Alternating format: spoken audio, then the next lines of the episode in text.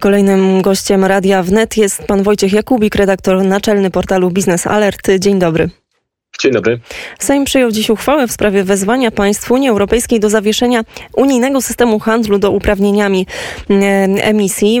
Wiemy, że polski rząd ma domagać się 16 grudnia na posiedzeniu Rady Europejskiej ustalenia maksymalnej ceny uprawnień do emisji CO2.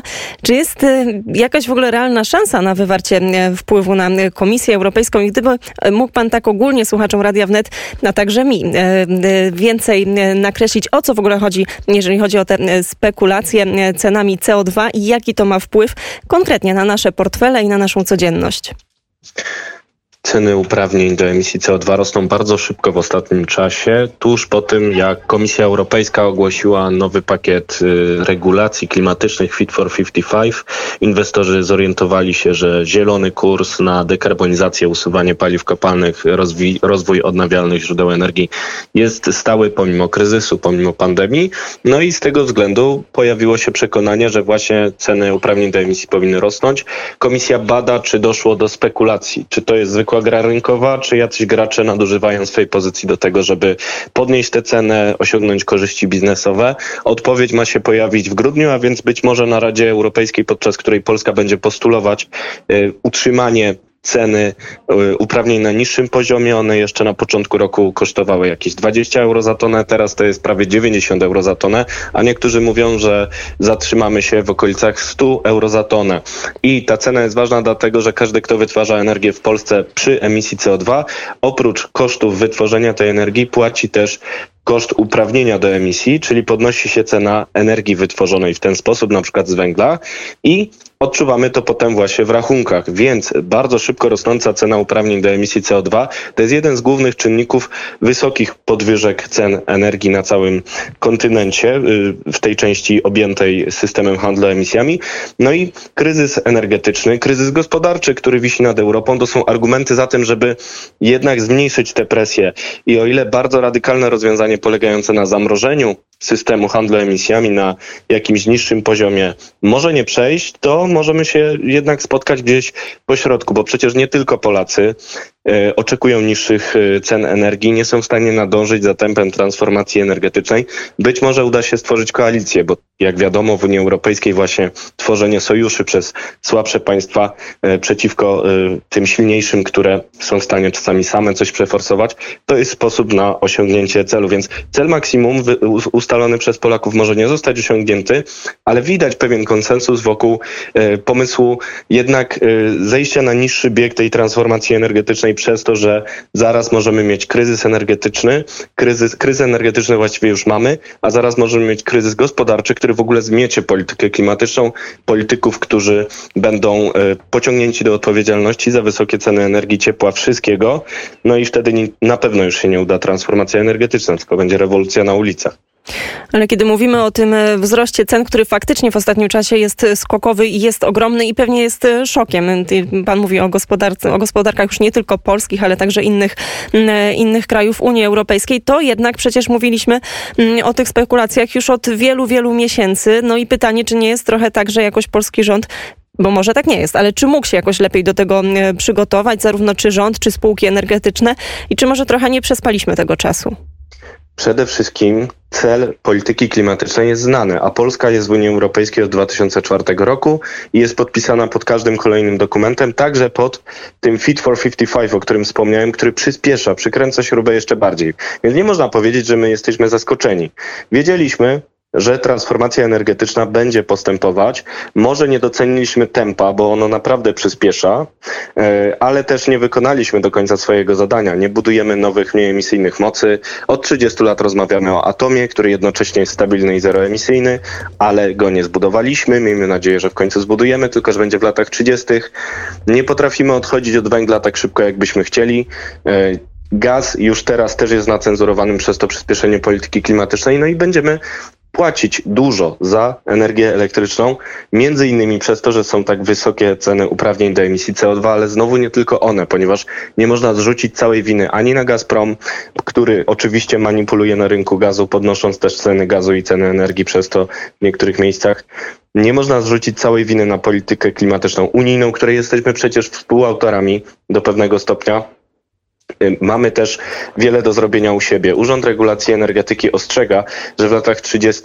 niedobór elektrowni w Polsce, mówiąc w skrócie, to będzie prawie 5 gigawatów, czyli prawie 5 dużych bloków, no, czy to węglowych, gazowych, czy atomowych, będzie nam brakowało. I to będziemy pokrywać z importu, płacąc więcej za energię, albo zaczną się pojawiać problemy z zapewnieniem e, energii elektrycznej w Polsce. Jedyna odpowiedź, taka bardziej długofalowa, to jest reforma, dekarbonizacja, e, budowa nowych mocy wytwórczych, czyli elektrowni, które poradzą sobie z jednej strony. Czyli elektrowni atomowych, przepraszam, że ja tak dopytuję, też, tylko ja nie no, jestem dziennikarzem energetycznym, też. ale czy atom by te sprawy rozwiązał? No, nie byłby złotym środkiem, ale na pewno by bardzo pomógł. Gdybyśmy mieli elektrownię jądrową w latach dwudziestych, tak jak pierwotnie planowaliśmy w III Rzeczpospolitej po upadku projektu w Żarnowcu, to e, w latach dwudziestych odchodzilibyśmy od węgla, wchodziłby atom i mielibyśmy miks energetyczny jak Francja, która jest najmniej emisyjnym krajem w Unii Europejskiej. Z jednej strony mielibyśmy bezpieczeństwo dostaw, bo atom dawałby nam tę energię wtedy, kiedy potrzebujemy, zabezpieczałby coraz większą liczbę źródeł odnawialnych, które powstają, czy rząd tego chce, czy nie, ponieważ ludzie chcą mieć tańszą energię i inwestują na przykład w fotowoltaikę, a yy, przez to, że nie mamy tego atomu, będziemy zastępować węgiel gazem, a polityka klimatyczna przyspiesza tak bardzo, że ten gaz będzie tak samo nacenzurowanym jak węgiel i będzie nas tak samo kosztował. I teraz, tak jak mamy teraz umowę społeczną z górnikami, kiedyś będziemy może negocjować umowę społeczną z gazownikami, więc y, no mamy, mamy zaległości na drodze tej transformacji energetycznej. Jeszcze wiele możemy zrobić, ale musimy jednak przyjąć tego szką pigułkę, że będziemy teraz więcej płacić. No i pewna pomoc będzie potrzebna. Czy to pomoc socjalna w kraju, jak dodatki osłonowe, rekompensaty wzrostu cen energii, czy zmiany regulacyjne, tak jak na przykład obniżka VAT-u, obniżka akcyzy, różne rozwiązania doraźne, ale długoterminowo tylko reforma i to, co u Państwa na antenie e, analitycy mówią już od bardzo długiego czasu, od co najmniej pięciu lat, odkąd pamiętam, e, musimy budować własne elektrownię, na przykład atomową, ale też własne odnawialne źródła energii, żeby zmienić naszą energetykę. Chciałabym jeszcze się dopytać, czy to jest tak, że Unia Europejska pozwoli nam na te własne elektrownie atomowe i na ile, e, na ile pan e, wierzy w to, że po prostu to się uda, ale nie musi pan odpowiadać na to pytanie. Skupmy się może jeszcze, e, i to już będzie też ostatnie pytanie, na nowym rządzie w Niemczech. Czy w tej umowie koalicyjnej, która została podpisana, są jakieś szczególne zapisy, które są poświęcone Nord Stream 2 albo właśnie tym spekulacjom CO2? Czy po odejściu Angeli Merkel i po tych, wśród tych nowych także ministrów, mm, którzy będą odpowiadali za politykę energetyczną, jeżeli chodzi o Niemcy. Możemy spodziewać się jakichś zmian? Zieloni mówią o sprawiedliwej transformacji energetycznej. Na pewno nie wchodzą w e, spekulacje na temat spekulacji uprawnieniami do emisji CO2. Natomiast sprawiedliwa transformacja energetyczna to jest koncepcja, która zakłada, że łagodzimy negatywny wpływ społeczny transformacji.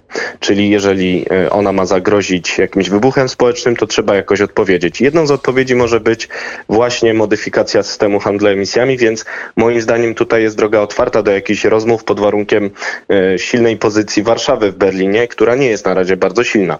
Natomiast y, jeśli chodzi o Nord Stream 2, to y, nie ma słowa o Nord Streamie, Natomiast są słowa o tym, że każdy gazociąg, czy tam każda inwestycja wielka musi podlegać prawu unijnemu, czyli jest jakaś tam czerwona linia, że Nord Stream 2 jak już powstał, no to przynajmniej musi być dostosowany do prawa unijnego, ale z drugiej strony są też słowa o imporcie wodoru z Rosji, konkretnie.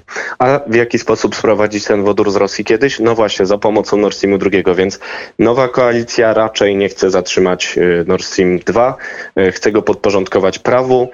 Y, wysyłane są sygnały z Berlina o że oczywiście jeśli doszłoby do agresji na y, Ukrainie, to zostaną zatrzymane dostawy przez taki Nord Stream 2, tylko trzeba przypomnieć, że to samo w lipcu mówili Amerykanie i Niemcy o tym, że jeśli Rosja użyje gazu jako broni, nie dopuścimy do tego, żeby Nord Stream 2 rozpoczął dostawy. Tymczasem Rosja używa gazu jako broni przeciwko Mołdawii, przeciwko Ukrainie, przeciwko całej Unii Europejskiej, ograniczając tutaj podaż i nie pojawiły się żadne nowe sankcje. To prawda i tutaj postawimy kropkę. Bardzo dziękujemy za ten komentarz. Gościem Radia Wnet był pan Wojciech Jakubik, redaktor naczelny Biznes Alert.